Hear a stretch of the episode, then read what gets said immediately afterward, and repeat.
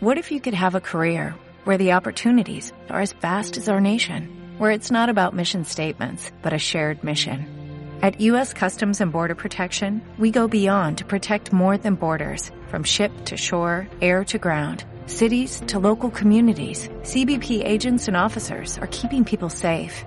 Join U.S. Customs and Border Protection and go beyond for something far greater than yourself. Learn more at cbp.gov/careers.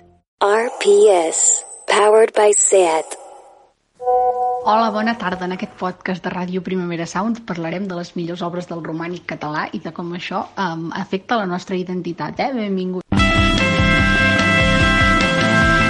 La Clàudia Rius, la Paula Carreras, la Rita Roig i l'Ofèlia Carbonell són gent de merda. I tu també.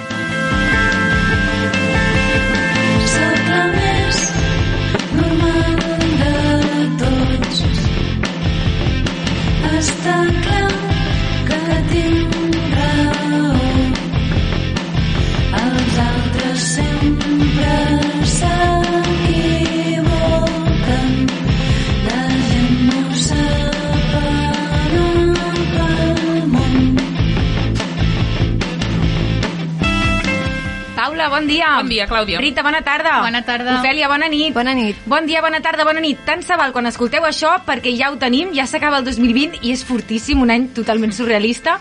És que vosaltres transporteu-vos ara a on fos que fóssiu al cap d'any del 2019, imagineu que algú us diu a cau d'orella. Durant tot aquest any patireu una pandèmia mundial, sortireu al carrer menys que mai, patireu més que mai per la salut de la gent del vostre voltant, veureu menys que mai els vostres amics, portareu mascareta tot el dia, haureu de demanar permís per fer petons i us descarregareu una aplicació anomenada TikTok i sentireu el pas ineludible del temps. M'ennuego amb el raïm. És que totalment, és com... A mi m'has angoixat molt ara. Sí. Sí. No volta. Nosaltres durant tot aquest any hem continuat fent gent de merda fins i tot quan estàvem confinades, cosa que era un drama en tots els sentits possibles, i estem molt contentes d'haver començat temporada amb Ràdio Primavera Sound. Ara farem un peron per vacances perquè la gent que treballa aquí es mereix descansar, però volem anunciar-vos que la setmana que ve farem un especial de Nadal a Twitch. Serà un directe... Ho intentarem. Ai, Ho intentarem. La Paula m'ha fet una mirada en plan, què? Serà un directe que farem amb un format totalment lliure on ens encantarà que hi participeu, que ens feu preguntes pel xat, el que sigui. No sabem si hi ha xat. Encara no hem mirat gaire Twitch, però... mm, Sabem que hi ha xat, però no ens imaginem com és el xat. Aquest és el nostre nivell de coneixement. Esperem una que hi mica, hagi no? algú, perquè si no estarem soles a internet parlant. Ah, bueno. No? Que ja és el que fem normalment, per tant tampoc passa res.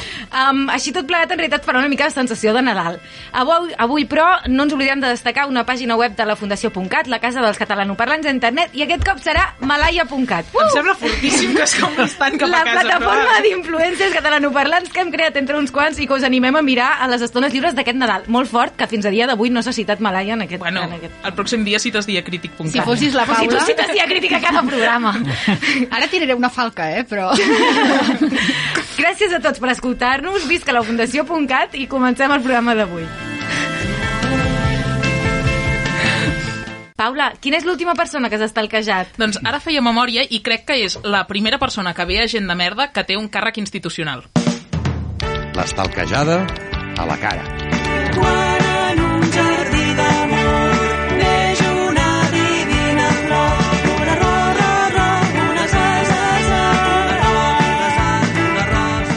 Pepe Serra, què tal? Com estàs? Bé, molt bé, encantat d'estar aquí. Aviam, tu ets el director del MANAC, del Museu Nacional d'Art de Catalunya. Avui sí. Sí, bueno, avui des de fa un temps, no? sí des de fa molt temps ara. Quan? Vuit anys, No més o mal, menys. No està mal. Sí. Escolta, aviam, és, segurament serà bastant inevitable que acabem parlant del romànic, però eh, de moment no d'entrada. D'acord. Llavors- Quina alegria em dones. Sí, em dones una alegria ara? Està, estàs una mica fart ja de parlar No, de... no. Vale, vale. Ja, ja, no, no, ja. dic, perquè si no... Ja tirarà per No terra. ho estic. No, no, I menys amb vosaltres. Vale, vale. No, és que jo tinc la sensació de que al Manac, molta gent... O sigui, jo crec que pràcticament tothom a Catalunya hi ha anat, ni que sigui amb l'escola, no? de, com de visita al Manac, i, i tenim com la imatge d'anar a veure un pantocràtor, però eh, jo la- la- l'any passat, per exemple, amb el suplement vam fer un reportatge sobre com el porno afectava... La Paula no fa mai Perdó, falques dels seus propis programes. No, però vam fer un reportatge sobre, sobre el porno com a escola de sexualitat entre els joves i tal, i vam anar precisament al Manac a veure com s'havia representat, eh, diguéssim, les relacions carnals en diferents... Mm, Sí, sí. Vale? I vaig pensar, clar, realment, a través de l'art, I en museus com el Manac es pot, parlar, es pot parlar de moltes coses i pots anar a buscar moltíssimes coses molt diferents, no? Vull dir que no has d'anar a veure romànic. És un exemple boníssim. Sí. No sé si ens en sortim o no, eh? però el, el que intenta fer el museu fa uns anys és exactament això. És a dir, podem buscar fórmules diferents de dir-ho. A nosaltres ens agrada dir que els museus són tots presents. Veus que és igual si el museu, aquestes categories, Museu d'Art Contemporani, Museu d'Art Antic, qui ve al museu ve avui, les coses que li passen li passen avui, la seva construcció, que vulguis, emocional, cultural, sentimental, la que vulguis, ideològica, política, és avui, i per tant nosaltres hem de fer preguntes i generar anem a dir, discussions avui. I això es pot fer igual amb el romànic que amb el contemporani. Llavors, la gran batalla que tenim una mica és fer entendre a l'acadèmia que un lloc on van un milió de persones l'any, l'acadèmia té un espai que és petit i molt important, però el milió de persones no venen a buscar això, venen a sentir-se interpel·lades o a projectar les seves pròpies necessitats de com veuen el món. Llavors, aquest, si no es pot parlar de mort i de sexe en el romànic, no sé on es pot parlar. O sigui, jo Anava a dir, un... perquè quins, quins exemples hi havia d'això? De què veu parlar? Bueno, també podem anar i buscar, no?, aquest reportatge, però vull dir... És una tona, això. Clar, és evident. O sigui, al, al final és un tema també de la concepció del museu paternalista, que jo crec que és molt del 19, de dir, nosaltres en sabem, la gent que ve, ve a aprendre, i nosaltres li direm el que... I això és que, és que a part de ridícul, és inclús com una mica falton. Ja. Eh, la cosa és, eh, el museu potser és més un connector. Eh, ja no entre el que nosaltres tenim al museu i tu que vens, sinó el millor entre vosaltres dues que podeu tenir una conversa en el museu Clar. i aprendre una de l'altra, no del museu, Sí, o el sí. museu de vosaltres. Llavors, aquest canvi que sembla tan fàcil d'explicar en 30 segons, per les estructures públiques i els edificis i les institucions de fa 100 anys, és gegantí. gegantí. O sigui, perquè la inèrcia és una altra. Mol molaria que, per exemple, una persona tipus de la nostra edat que anés al Museu Nacional, no, en comptes de dir, doncs vaig a fer el recorregut que em proposin, digui, Ah. doncs vaig a mirar què em diu de l'amor al Museu Nacional, per exemple. Ah. És que, de fet, precisament de l'amor, el, el, el dia de l'orgull LGTBI, Sí. eh, no sé si era l'edició passada, eh, a la xarxa de museus de Catalunya va fer com una iniciativa, una campanya, que Era bàsicament aquesta. era aquest, no? O sigui, aquest any. Aquesta xarxa la, la, li del museu. Exacte, que eh, bàsicament era compartir una obra Clar. amb, la, amb aquesta temàtica a les xarxes socials i de fet el Manac vau compartir eh, una d'Ernest Santa Susanna que és una obra del, de principis del segle XX Sí. que bàsicament il·lustra eh, la, una parella que és Delfina i Hipòlita que és una, Sí. una història lèsbica d'un capítol de les flors del mar de, del mal de Baudelaire i això, o sigui, jo crec que és un exemple molt clar de com els museus poden, a través de, Sí, al sí. final, com, de, com del seu material, eh, apropar-se a temàtiques de, sigui, jo crec que el museu no té sentit... Eh, el museu, si el museu és un lloc, en el cas del MENAC, per exemple, és molt clar, que la majoria dels diners que es gasta, una gran majoria, se'ls gasta en obrir la porta, obrir la porta al MENAC val una fortuna. Sí, per, per, Per la conservació de O les... sigui, que allò estigui net, climatitzat, vigilat, Vale. eh, endreçat, traduït a set idiomes i amb uns serveis per acollir gent, és el que val més diners de tot. Llavors, no, només començar, no? Si allò no és un centre d'estudis amb una porta on estem tots pensant i publicant els nostres articles, sinó un lloc que obre la porta a la gent, la gent ha de fer un ús, i l'ús ha de ser propi. Llavors, tenim preguntes pròpies, tenim interessos propis, tenim mitjans propis. Què pot fer el museu? Tenir la capacitat de qui tingui aquest interès tingui experiències allà de tota mena. Llavors, de valor afegit, de coneixement, de sentiment, tu vas un dia que se t'ha mort l'àvia i veus el monyo de no sé quin en quadre i et fots a plorar, i vas un altre dia enamoradíssima de no sé qui, i allà veus no sé què. Llavors, la, la, el museu el que ha de ser és capaç de que i després que tothom s'hi vegi representat. Al final, les històries que proposa el museu els últims 70 anys, un museu occidental, són històries sobre homes, escrites per homes, blancs, i occidentals. Llavors, no és que quedin fora no sé quines minories, és que queda fora pràcticament tothom al final. És una cosa absurda, Clar. completament. O sigui, aquest canvi requereix aquest canvi sense frivolitzar-lo, sense dir, bueno, anem a fotre el xorra, eh, requereix canviar els equips, requereix entendre que segurament es necessita al museu molta gent que no necessàriament és experta en allò. Llavors, que això no és un museu d'història de l'art, és un museu d'art. Art és creació, creació és tot, i per tant hi ha tot de hi ha tot de gent que ens fa falta, per això el museu ha de treballar tan fora, amb co, co, co, co, perquè segurament si vosaltres feu un gent de merda sobre la guerra, que és el tema, per exemple, nostre de la segona de la primera meitat de l'any que ve, la guerra, què és la guerra, quin, quina reacció tenen els artistes a la guerra, serà molt interessant sentir-vos sobre això. Sí, el museu té una visió molt parcial i molt petita al final. Nosaltres no en tenim ni idea de res, eh, Pepe? Per això, per això ve gent a parlar. Clar. No, però és, és la idea pròpia. Llavors, al, al final, eh, és una institució de servei públic, ha de ser participativa, ha de ser inclusiva, està molt bé que aporti valor, té una funció de coneixement que es cobreix ràpidament amb uns congressos i amb un sistema acadèmic que està establert per altra banda i que funciona perfectament, però la seva missió, la seva dimensió social tindrà sentit si la gent en fa un ús, igual que una biblioteca, si no serveix per res, que fotem aquí Clar. tots fent el ridícul, sí.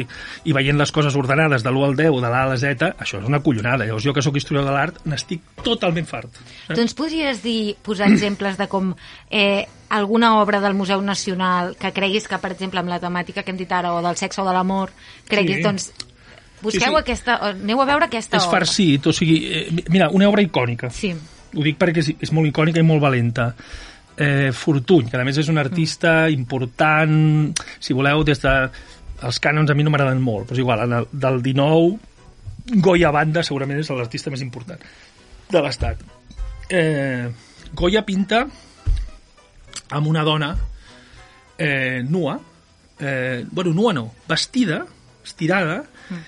i que s'aixeca la faldilla i ensenya el sexe. Mm. Eh? Un sexe amb, amb un sexe eh, molt, molt eh, com dir-ho, molt directe, molt, molt, no com a l'origen del món, perquè ella està com estirada i de costat i tal, però és molt brutal, molt poc decorat, molt poc refinat, que al final la Carmen Bastián, que també al final és una model, i intueixes, saps, sabem, a més, que ha tingut una relació amb el pintor i tal. Mm. Però aquesta condició, aquesta és una peça, per exemple, que en els debats que estan havent-hi ara, els que vulgueu, eh, de com qui explica la història, en nom de qui, quines històries es clouen aquí i qui, qui ha tingut veu, qui no ha tingut veu. Aquest és una... Aquest Però és aquesta una... que has dit és de Goya.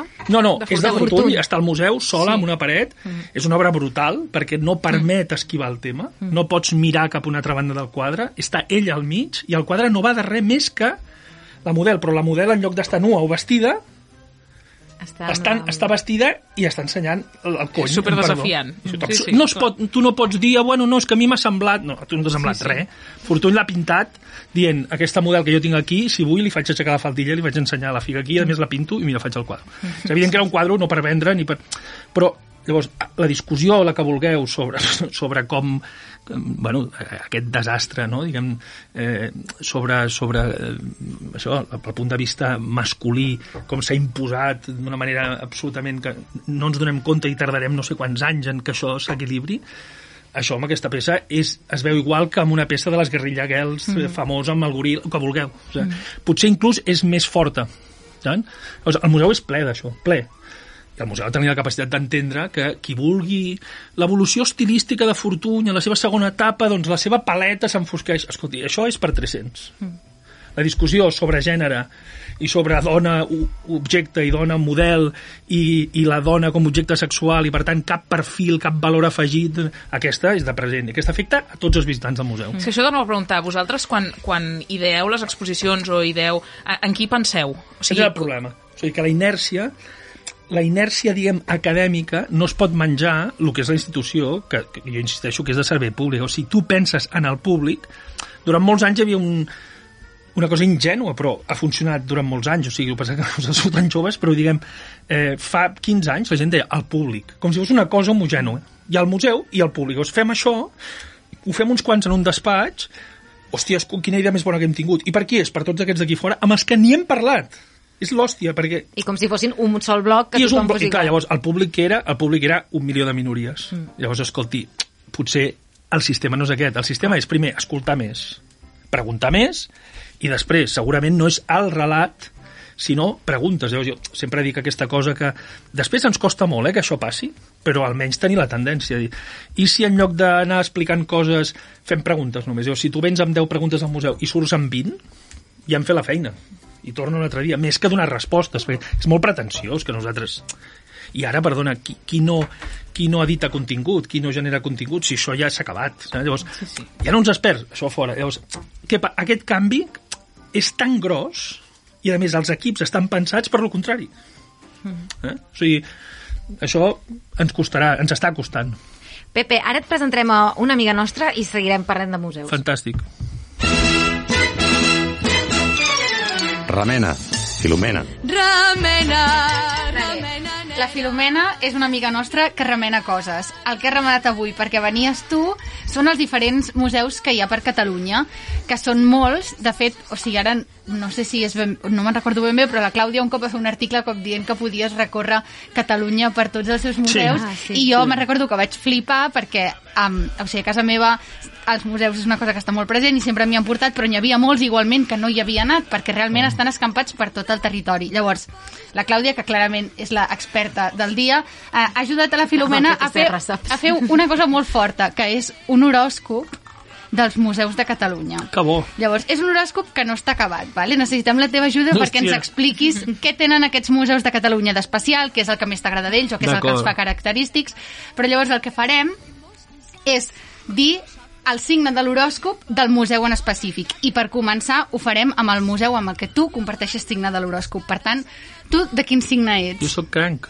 Mira, com jo. Com la Paula. 14 de juliol. Fantàstic. Jo 18. Vale, doncs, per exemple, ara anem a mirar aquest horòscop i podem veure que el museu amb el que tant tu com la Paula compartiu signe de l'horòscop és el Museu Epi- Episcopal de Vic, perquè es va inaugurar el 7 de juliol de 1891. Llavors, O sigui, no sé... el, els museus, l'horòscop és el, el, la data que es va La inaugurar, data, no? la data d'inauguració del museu. De naixement. Llavors Com la anem a veure Com la persona. com seria el Museu Episcopal de Vic si fos una persona, Mm. i això és aquí on entres tu, i que et, que t'agrada? Et sents identificat amb el Museu Episcopal de Vic? Parlem-ne. No, aquí hi ha un drama perquè eh, eh, tinc molta amistat amb la persona que la dirigeix i m'agrada molt el museu, té una col·lecció molt important. No puc dir que m'identifico amb la paraula episcopal, perquè estàs davant d'una persona que des d'aquest punt de vista eh, és bastant més pragmàtica. Eh? Però, però és, un, és, un, és un bon exemple, no sé si casa amb cranc o no, perquè sóc una negació absoluta, no sé el signe dels meus fills. O sigui, No, em pregunteu... Però, eh, vull dir que si em diguessis què són els crancs, no, No, desordenats, anem a que és el que sóc jo. Anem, anem a crear-ho. O sigui, tu ens has de dir Sí. amb quines característiques té el Museu Episcopal de Vic. El Museu Ciutat de Vic té com... En plan, és un museu Eh, moderat, eh, no sé què... o Saps? sigui, sí, sí. Eh, és... Com dir-ho, això? Ah, però atansa't al micro, sí, por favor. no, és un museu... És un museu... Que, que et posem en un compromís. sí. No, gens, gens, gens. Estic buscant la, la mida, perquè és una paradoxa, aquest museu. O sigui, penseu que aquest museu té la millor, la millor col·lecció, no hi ha discussió, eh? ningú li discuteix, d'escultura romànica del món. Del món. Eh, i, I és un museu mm, relativament molt poc visitat. Mhm. I pels bigatans mateixos. Eh? Llavors, tu vas a la Fira Medieval de Vic i hi ha un milió de persones a les escales del museu fotent-se l'entrepà aquell de botifarra no sé com i ningú dintre. És, aquest, és aquesta paradoxa. Jo, jo diria que és un museu És un lonely. molt intens, o sigui, petit i molt intens, com una experiència de molta qualitat en molt poc espai. I en canvi, això, ser una experiència de molta qualitat als cracs. i en canvi eh, molt isolat. Molt isolat, també per on està. Està molt bé, i ja sé que no estem comparant-ho amb els crancs, però crec que, i jo no, soc, no sé gaire de l'horòscop, els Jo no crancs són, bola. són persones intenses, vull dir que com a mínim ara sabem que, que també el, el Museu Episcopal de Vic Sí que és intens. és, és, un, és un museu intens. Sí, Provem-ne un altre, Sí, per exemple. llavors, ara, si et sembla- provem. Fem, fem el, el, el museu que comparteix horòscop amb l'Ofèlia i l'Ofèlia és Geminis o Bessons. Molt bé. Um, hi havia diversos museus que, que tenen aquest sign- signe de l'horòscop, però llavors, evidentment, hem hagut d'escollir el que també casava més amb la personalitat de l'Ofèlia, que és el Museu de la Música de Barcelona, Home, que va ser això. inaugurat el 29 de maig del Molt fort, 46. Encara serà veritat això que estan fent aquests jocs? Sí, sí. Ah, tot, tot és veritat, en realitat, si t'esforces una mica. Això. Què? Com és el museu? Aquest és, aqu- eh, aquest és aquella persona que, que tens a prop a la feina o a classe o a un lloc tota la vida i no tens ni puta idea de... de no, saps, no saps lo divertida, eh, lo creativa... Eh, no, no saps, lo, no saps la de coses que té per explicar-te i tal. És l'Ofèlia totalment. Saps? Sigui, aquest museu és això, o sigui, que hi ha algú allà a la feina que tu no tens quasi, no te'n recordes com es diu, i, i en canvi és una mina per explicar-te milions de coses. És el museu de la música. Ai, que guai. I això per què ho dius del Museu de la Música? Espera, Perquè és que- collonut no- no i ens si sortim ara aquí al carrer i parem els ningú estudiants de la anat, no? Pompeu... Vale. No hi haurà ningú. Rita, tu, tu quin series? Clar, la Paula és cranc. Ah, Sí, jo vaig estar una mica decebuda quan vaig mirar això. Jo no vull ser discriminadora, però o sigui, no passa res. A més, crec que a tu t'agrada molt Picasso i vas ser director del Museu Picasso, vas treballar-hi. Mm. Però mira, a mi m'ha tocat, jo sóc Piscis, um, m'ha tocat el Museu Picasso de Barcelona, que és el 9 de març, i a mi Picasso em fa una mica de mandra ell com a persona, no la seva obra. Sé que Sí. va ser un gran artista. Llavors, si plau, ajuda'm a, a saber per què el Museu Picasso no en realitat pensis mola. a mi que m'agrada exactament, eh? perquè la relació amb Picasso és molt complicada i jo després d'estar-hi set anys, o sigui, el monstre és molt, és molt fill de puta, eh, el monstre. Eh, Mm. mm. És molt monstre, o sigui, crema tot el que hi ha a prop. Llavors també, per exemple, els que ens agrada molt l'art, a mi m'agrada molt l'arqueologia, m'agrada Mhm. molt la ciència, m'agrada molt l'astronomia. Picasso té un problema d'excloure, o sigui, és el, el museu aquest és, és aquella persona eh, del grup que només parla d'ell mateix tot el rato i no, puta, jo. i no es pot canviar de conversa perquè tot el rato és, és monogràfic. És, És la Rita. no, perquè si tu tens un museu monogràfic de Rossinyol, busques apoyos. Si tens un museu de Picasso, hòstia, ja estàs autoservit, i llavors té un problema de fagotis, de, saps? O sigui, mm, eh, i és un museu collonut, eh? Us haig de dir, he estat set anys, té un equip magnífic i me l'enyoro molt, però eh, És complicat. la mandra que tu has dit no és gens rara que la tinguis. Clar, és que, de fet, a mi em passa amb Picasso una mica amb el que em passa també amb Dalí, no? que són, són tan personalitats ells que llavors un museu només d'ells i tot sobre ells i jo sóc la persona que ho fa tot sobre mi, llavors és El problema de, dels museus monogràfics és aquest, que tenen un repte molt... Jo me'n recordo quan estàvem allà que la proposta va ser, em vam dir llavors el 2012, repensar Picasso i ens vam conjurar, que va sentar com un tiro, però va sortir bastant bé, que les exposicions es faria gent que no fos experta en Picasso, mm. per fer les preguntes adequades. Llavors resulta que va venir algú i va dir no, no, és que l'art japonès l'ha influït molt. Llavors, mirem com li ha influït l'art japonès, però no parlem d'ells, eh? perquè si no se't menja viu Eh, I després és una construcció també molt americana. O sigui, de, després de la guerra, els Estats Units converteix el Picasso com en el cànon Mhm. central i costa. O sigui, el cànon és més desordenat que això. Mhm. No, és, no és tan veritat. El que passa que és veritat que és un creador infinit d'imaginaris. O sigui, és com 10 Vale. artistes en un. I això... Però és un monstre que l'has de racionar, eh? Si no... Eh, saps? És com aquella música que si te l'escoltes molt no escoltes res més, però Sí. et tornes un pesat i tot el rato cantes jo que sé què, no? O sigui, Em, Ens ha passat sí. a tots. No sé qui Fem seria, eh, aquest grup. Superràpid. Sí, fem molt ràpid. Tu ets sagitari, Jo sóc sagitari. El meu aniversari és aquest dissabte, ja em felicitareu. oi? Feliciteu tots a la Clàudia aquest dissabte. La Clàudia comparteix um, horòscop amb molts museus, sí. el Museu de Girona, el de les Terres de l'Ebre, el, el Museu del Disseny, i llavors el que he escollit per fer Has aquest horòscop... això? Sí, he escollit Has, aquest. has escollit el MACBA. He escollit el MACBA. I, i, i, i, i jo hagués escollit el Museu de les Terres de Ja ho l'Ebre. sé, Clàudia, i per això he fet jo aquesta secció. El MACBA és... Està super dins el PP d'aquest joc, eh? Sí, sí, perquè és que... I el MACBA ja ha treballat 5 anys, eh? Clar. Eh, el, el MACBA és algú molt creatiu, molt interessant, però que porta molt temps, molt temps, i encara no sap què vol ser de gran. Vaja. Em defineix completament Sí. perquè... O què vol fer la vida. Sí, és claríssim, això, en el MACBA. És claríssim que és això. Com perquè no té un objectiu clar. Navega sense rumb, una mica. Perquè fa moltes coses i moltes molt bé, però eh, potser perquè és molt jove, perquè és molt jove, eh, és un museu juvenil, ara ha fet 25, anys. 25, sí, l'altre dia. Eh, doncs eh, li pesa no acabar de saber si és més una cosa o una altra i saber al final què ets t'ajuda. eh? Molt jove, fa moltes coses, les fa totes molt bé. Acabem d'escoltar una descripció de Clàudia Sí, Rius. ja i està. I està molt perduda. eh, passem a les, a les decisions de merda. Decisions de merda. Model cotxe amb maletes. Què has dit? És el David el que diu decisions de Sí? merda? Sí. Que fort. totes, eh? Totes les caretes. Ah, totes és ell? Sí, sí. Bueno, Ja li diré, ja li diré. Tu. ara ja hem parlat molt dels museus i els que són els museus per nosaltres i que veiem als museus, però jo volia parlar una mica de coses que passen com en el backstage dels museus, perquè potser la gent no s'ho imagina, però, clar, tu veus les obres i penses que han sortit d'allà com un bolet, però en realitat potser ha passat una pel·li d'Indiana Jones perquè aquella obra arribés allà.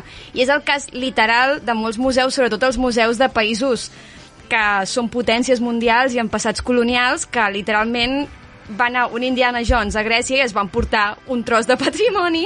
O un I- exèrcit sencer, eh? Sí, bueno, sí. No, no tan maco com a les pel·lis. Exacte. I, I llavors, ara que estem tots en l'època del hashtag woke, hashtag desperts, i som tots molt conscients, hi ha moviments que reclamen que les obres han de tornar als seus llocs d'origen, mm, i pas, veiem les obres, ens agrada molt veure-les al British Museum, al Met i tot això, però després, per exemple, jo un cop vaig poder anar al Museu de l'Inca a Cusco i la meitat d'obres... Ah, sí, Sí. veus? I la meitat d'obres hi posava que hi havia una foto i deien sap greu, però aquesta obra està al Louvre o aquesta obra està a no sé on. I clar, potser Totalment, sí. és molt trist i no ens ho plantegem. I investigant una mica el tema he vist que això també passa amb l'art català I tant. i que es van endur tot un claustre pedra per pedra A Cuixà està al Met. Sí. Sí, se'l van endur als Estats Units, pedra per pedra. Mm. Investigant una mica més, he vist que, de fet, al Manac, moltes obres van arribar per evitar Sí. que se les emportessin als Estats Units. La col·lecció més important. Com va ser això? Sí, i, i perdona, eh, perquè això que assenyales, eh, almenys la meva posició, que dirigeixo un, un museu gros, diguéssim, eh, és un debat que no sols no s'ha d'esquivar, sinó que s'ha d'afrontar de cara. Eh? Jo no tinc cap tipus de... És a dir, eh, el, eh, nosaltres estem en un grup, això és una mica avorrit, però eh, en el grup que hi ha tots aquests museus, el Louvre, el British i tal, hi ha el Menac, hi ha el Prado, hi ha el Reina Sofia, i portem dos anys discutint sobre això, eh, i arribant a alguns acords. Per exemple, hi ha un acord molt important de fa un any i mig, que és totes les restes mortals, totes les restes, perdona, humanes, ara es retornen ja sense discussió, que ha sigut un primer pas. Però el Macron ha anunciat el retorn de totes les peces africanes. Eh, Qui ho ha anunciat? Macron, Ah, el Macron. que ens ha sí. creat un lío bastant important, perquè n'hi ha que no, no hi ha on retornar. O, per exemple, que, que es no fa? és un argument en contra, eh? hi ha llocs on que sabem que si es retornen, el primer que farà el que les retorni és vendre-les mm. i robar els diners, però per corrupció, eh? no perquè ells siguin pitjors que nosaltres. Sí? Mm. Vull dir que això té unes limitacions, però que el debat s'ha de fer. En el cas del museu és molt senzill, eh, és molt curiós, del romànic, perquè el romànic no havia interessat gens a ningú.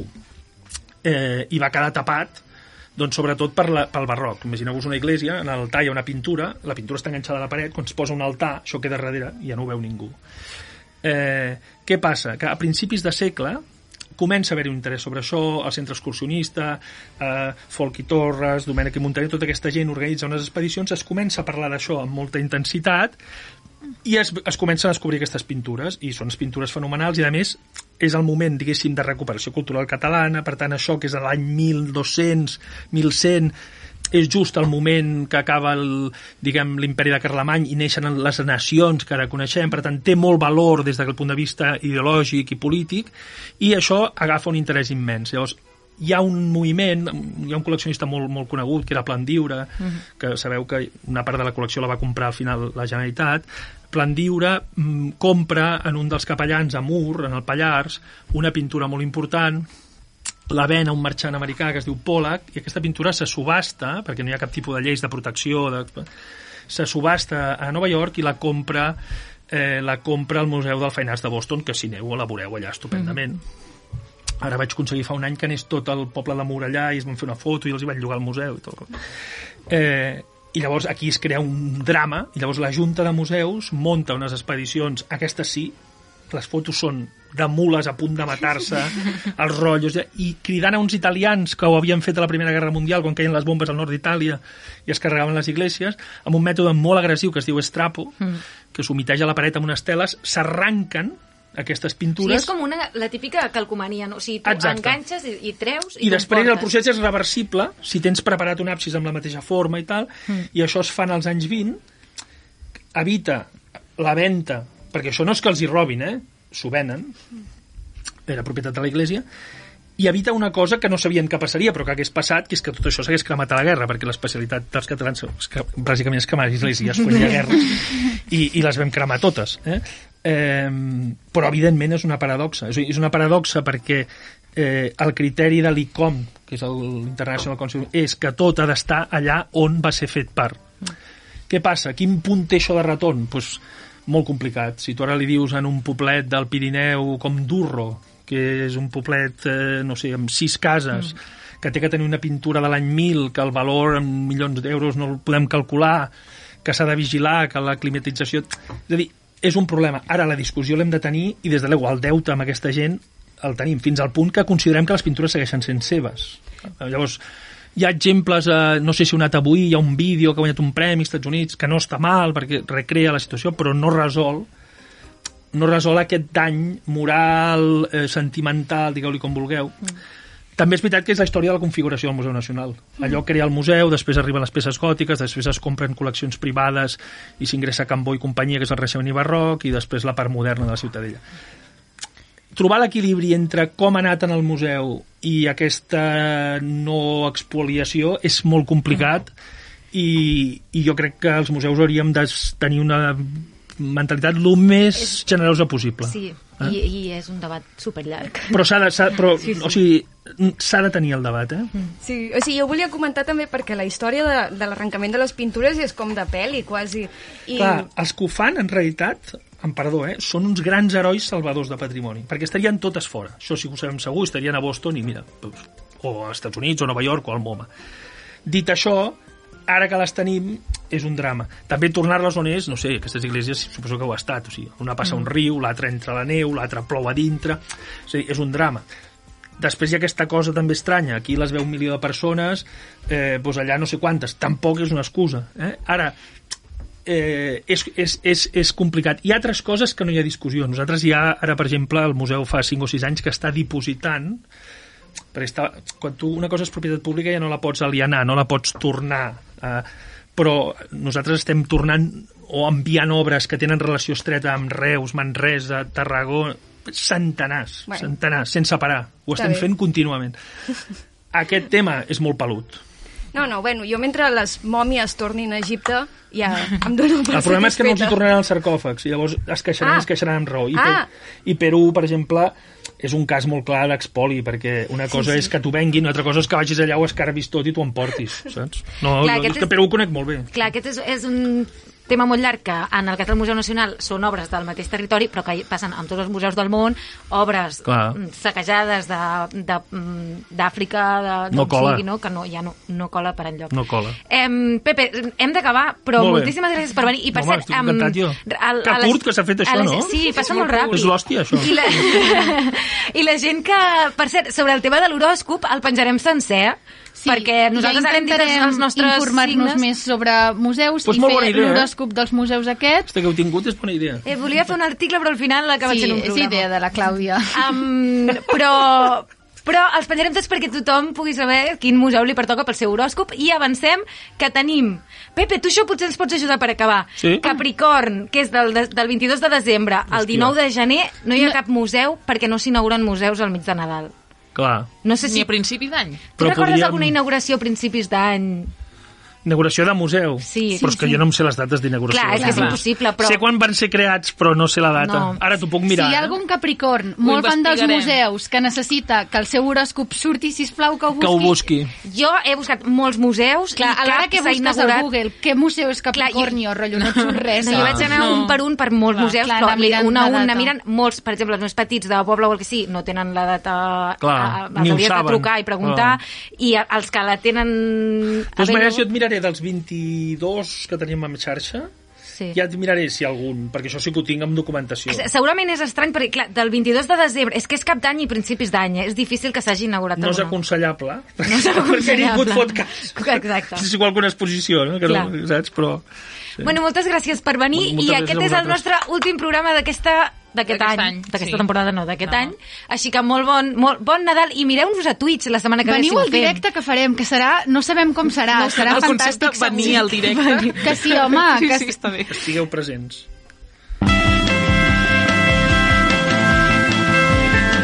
Gent de merda.